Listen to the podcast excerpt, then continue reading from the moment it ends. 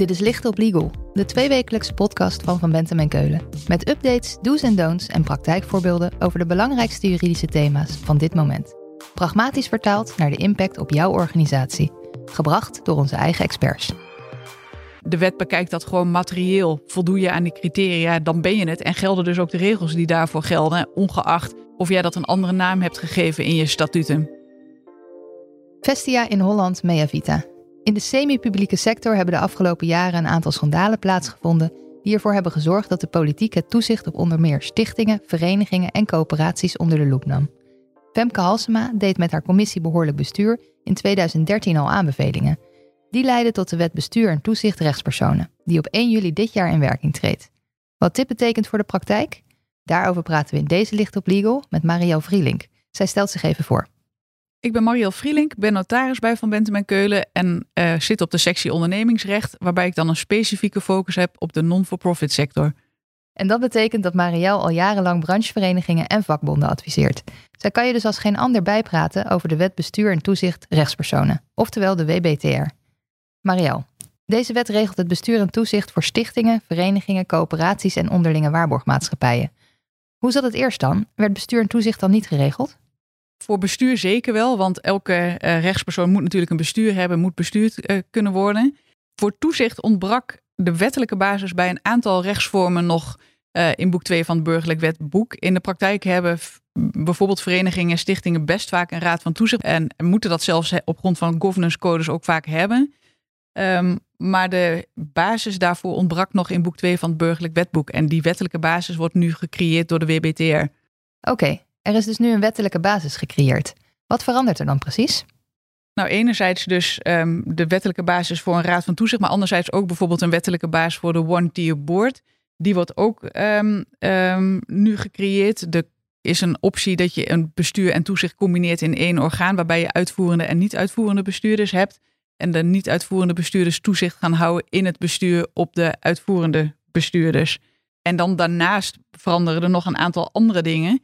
En die kan je in twee grote uh, nou ja, uh, onderwerpen onderscheiden. Enerzijds uh, dat goed bestuur, als je dat niet gevoerd hebt, of dat goede toezicht, als je dat niet gevoerd hebt. Wat dan qua aansprakelijkheid, hè? dus achteraf sanctionering van onbehoorlijk bestuur. En anderzijds komen er een aantal wettelijke normen worden vastgelegd die voorzien eigenlijk in leemte die in de huidige wetgeving is, nog bij de stichting en de vereniging. Zaken die bij de BV en de NV al lang geregeld zijn, ontbraken nog voor de stichting en de vereniging. En dat wordt nu eigenlijk heel erg op dezelfde manier geregeld. Ja, precies. Dus er is een splitsing tussen dingen die veranderen in het nu, bij goedlopende clubs, en dingen die veranderen als het mis is gegaan.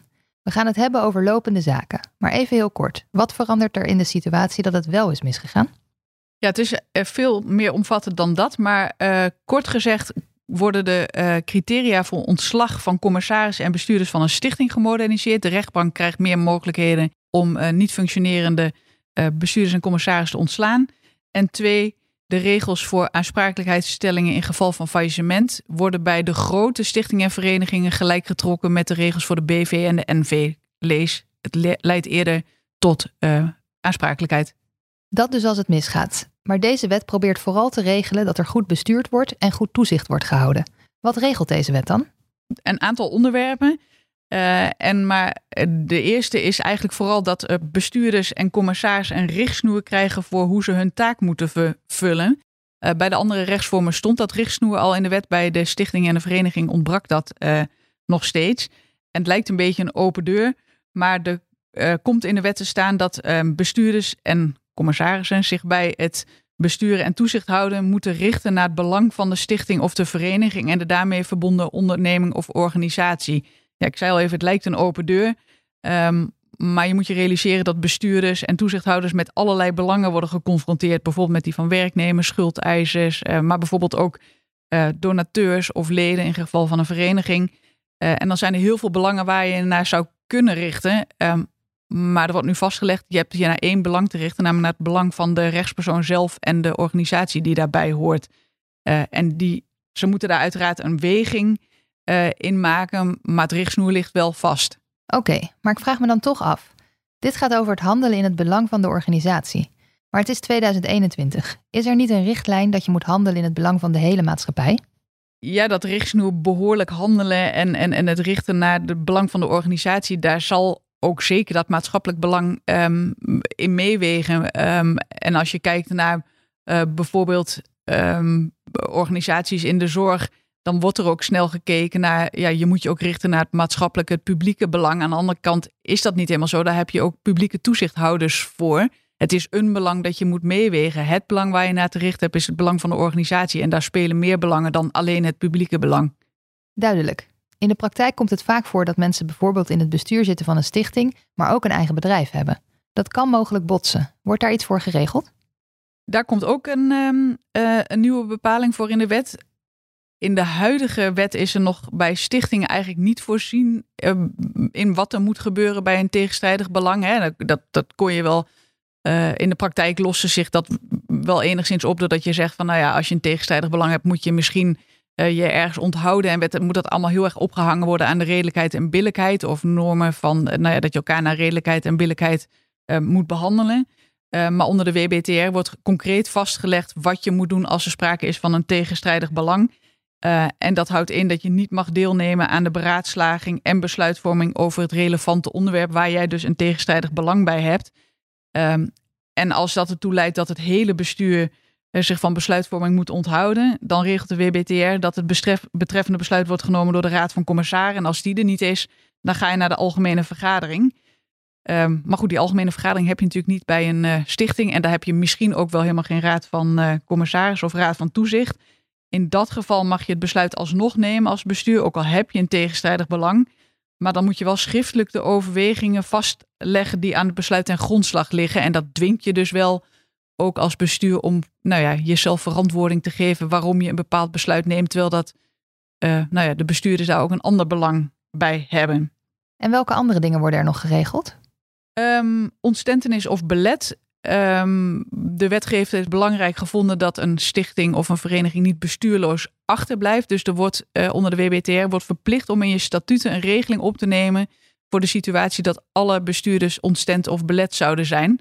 Uh, de WBTR zegt dat, dat je iets moet regelen, maar niet wat je moet regelen. Dus dat kan je, in die zin heb je zelf vrijheid om daar een regeling voor te verzinnen uh, in je statuten. En dan kan je denken aan uh, bijvoorbeeld um, een, een ander orgaan uh, iemand laten benoemen of tijdelijk het bestuur waarnemen. Maar je kan bijvoorbeeld ook een externe gelieerde partij daar een, uh, een rol in geven als je maar iets regelt. Um, en de WBTR eist dus dat je iets regelt. en om, het, het is niet zo dat, dat je nu dwingt om meteen je statuten aan te passen, want hier is gelukkig wel overgangsrecht. Ehm, nieuwe rechtspersonen die worden opgericht, moeten wel vanaf 1 juli dit meteen in hun statuten vastleggen. Maar voor bestaande rechtspersonen geldt een overgangsregeling. En die houdt in dat je dat verplichte vastleggen in je statuten mag uitstellen tot de eerstvolgende keer dat je toch de statuten gaat wijzigen na invoering van de wet. Dus je moet dingen aanpassen in je statuten, maar niet per direct. En zijn er ook wijzigingen op het gebied van besluitvorming? Ja, er komt een uh, beperking uh, voor wat betreft het meervoudig stemrecht dat je in een orgaan kan toekennen aan een van de bestuurders of uh, een van de commissarissen. Um, je mag namelijk onder de WBTR een bestuurder of commissaris binnen zijn orgaan niet meer stemmen uh, laten uitbrengen dan de andere leden van het orgaan tezamen. en dat is eigenlijk een regeling die nu ook al voorkomt bij de BV en de NV. En waar ook al discussie over was of dat überhaupt iets was wat je nu al zou kunnen doen. Maar je ziet in de praktijk nog best vaak uh, gebeuren dat, dat dat wordt opgenomen in statuten. Um, maar het wordt in strijd geacht eigenlijk met collegiaal bestuur. Want als binnen zo'n bestuur doe je het samen. Je moet samen, het, met samen verantwoordelijk voor de goede gang van zaken. En daar past dan niet helemaal in dat één bestuurder eigenlijk de andere bestuurders in zijn eentje kan overrulen. Ja, dat lijkt logisch. Maar in de praktijk zetten commerciële bedrijven hun aandelen nog wel eens in stichtingen om zeggenschap te houden. Dat gebeurt natuurlijk ook bij familiebedrijven. En daar wil de mater of pater familias vaak ook nog eens de doorslaggevende stem houden. Hoe zit dat?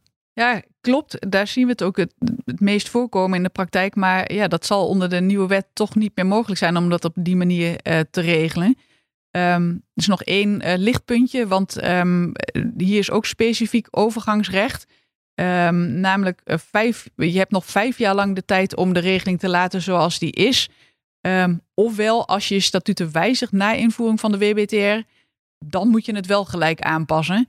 Um, en het is ook echt belangrijk om hier goed naar te kijken. Want ehm, nou ja, over vijf jaar geldt deze regeling en wordt je uh, eventuele afwijkende statutaire regeling overruled door de wet. Alleen het is niet helemaal duidelijk wat er dan geldt op het moment dat die vijf jaar is verstreken. Ofwel als je je statuten wijzigt en je zou het uh, per ongeluk niet aanpassen. Want de vraag is dan, ja, dan geldt de wet. Maar is het dan one man, one vote geworden? Of is, wordt dan de invloed eh, nou ja, beperkt tot het maximum wat die bestuurder wel eventueel aan meer stemmen zou mogen hebben. Maar ja, je zit hoe dan ook vast aan, het mag niet meer dan de rest samen. Dus het kan hoogstens evenveel zijn. Dus uh, nou ja, hoogstens tot padstellingen leiden als uh, de paardenfamilie als het er ergens niet mee eens is.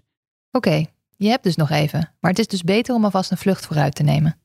Ja, ik zou zeker adviseren om daar nu alvast naar te kijken. En in uh, nou ja, desnoods ervoor te zorgen dat er een overgangsbepaling in je statuten komt. Die in ieder geval nog zorgt dat gedurende die vijf jaar dan misschien nog geldt zoals je het het allerliefst zou willen hebben. Maar dat in ieder geval op het moment dat die vijf jaar voorbij is, duidelijk is wat dan daadwerkelijk wel geldt.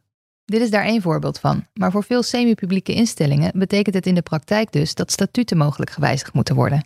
Waar moeten juristen binnen deze instellingen op letten? Ja, ik zou sowieso aanraden om gewoon goed te kijken naar wat er in je huidige statuten geregeld is. En te kijken of daar regelingen in staan die in strijd zijn um, met wat er straks in de wet komt te staan. En die, uh, dat meervoudig stemrecht is er eentje van. Uh, maar die zul je in semi-publieke instellingen wat minder vaak, denk ik, zien dan in uh, familiebedrijven bijvoorbeeld. Um, maar bijvoorbeeld bij verenigingen is ook wel een ding dat de tegenstrijdig belangregeling nu nog um, in de wet zodanig is geregeld dat die impact heeft op, op de vertegenwoordigingsbevoegdheid van bestuurders. Dat is straks niet meer zo. Dat, dat verschuift zich naar de uh, besluitvormingsfase.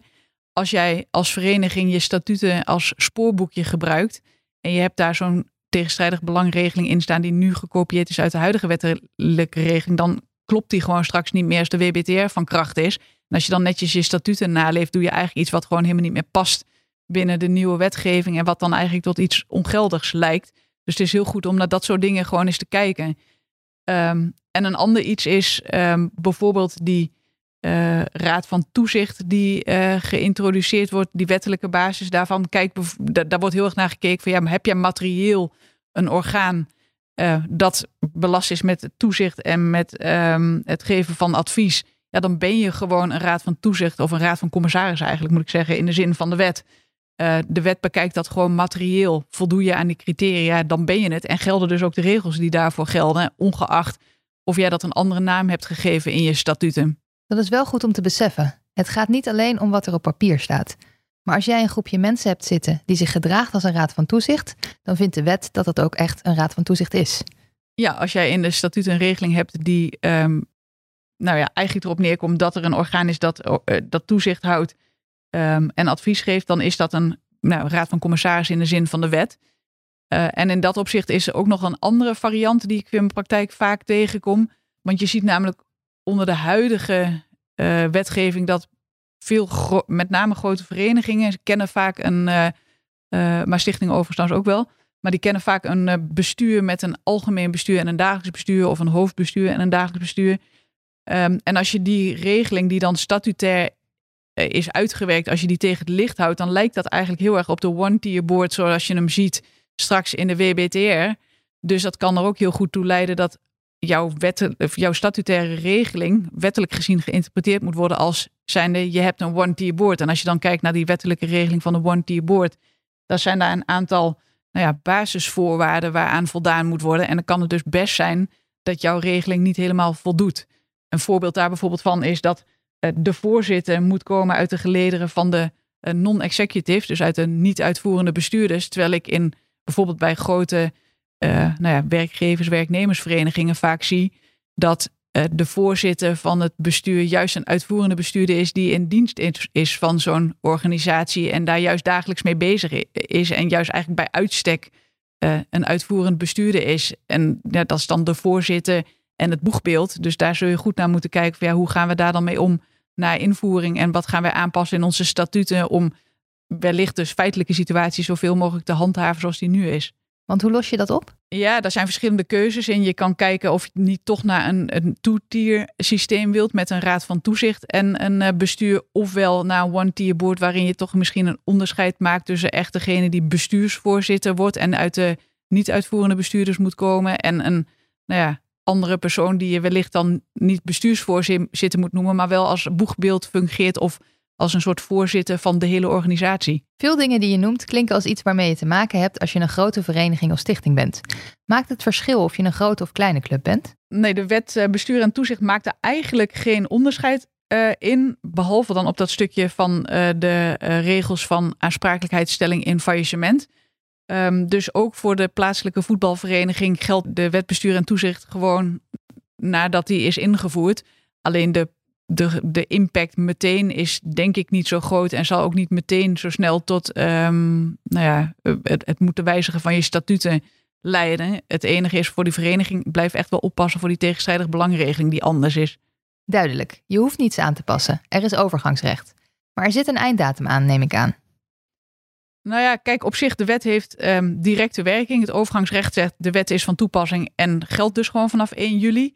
Um, en het specifieke overgangsrecht, bijvoorbeeld voor die belet- en ontstentenisregeling, ja, die is, de einddatum is, je moet iets aanpassen bij de eerste keer dat je toch je statuten wijzigt. Nou ja, dat kan net zo goed over twintig jaar zijn, dus daar is helemaal niet de noodzaak om gelijk iets te doen. Uh, het enige onderwerp wat echt wel misschien tot direct aanpassen noopt, is dat uh, beperking van het meervoudig stemrecht. Maar goed, dat is een, een situatie die niet bij heel veel stichtingen en verenigingen voorkomt. Um, maar als je daar eh, een hele specifieke regeling hebt, dan zul je het waarschijnlijk weten. En is, dan is het echt wel goed om daar tijdig naar te kijken en daar iets mee te doen. En zelfs misschien al voor 1 juli nog iets te regelen. Om af te sluiten, als er één ding is wat je moet onthouden en waarmee je echt direct aan de slag moet, wat is dat? Er is niet iets dat je nu meteen tot actie uh, dwingt. Maar het is wel goed om toch je statuten nog eens een keer kritisch tegen het licht te houden en naast de WBTR te leggen om te kijken of jouw specifieke organisatie toch bepaalde regelingen heeft die ofwel in strijd zijn met de WBTR. Ehm, en dan is vervolgens de vraag: wil je die gelijk aanpassen omdat je vindt dat je statuut het spoorboekje moet zijn? Of uh, nou, houd je dat in, de, in het achterhoofd als zich bepaalde situaties voordoen? Uh, maar kritische statuten tegen het licht houden, dat is denk ik wel iets uh, wat je in het achterhoofd moet houden. Marielle, dankjewel. Als we meer willen weten, waar kunnen we dan terecht? Dan kan je me natuurlijk altijd bellen of mailen op marielvrielink.vbk.nl. En je kan ook op de website kijken. En daarnaast zijn er de komende tijd uh, nog een aantal Jure Actua's. Dat is onze permanente leergang. Waar je gratis bij kunt aansluiten. En waar uh, de WBTR ook nog aan de orde zal komen. Meer specifiek voor een aantal verschillende branches. Dit was Licht op Legal, een podcast van Van Bentem en Keulen. Te beluisteren via Spotify, Apple Podcast of je eigen favoriete podcast-app. Wil je meer weten? Heb je suggesties voor een onderwerp? Of wil je dat onze experts hun licht laten schijnen op jouw juridisch vraagstuk? Laat het ons weten via vbk.nl/slash lichtoplegal.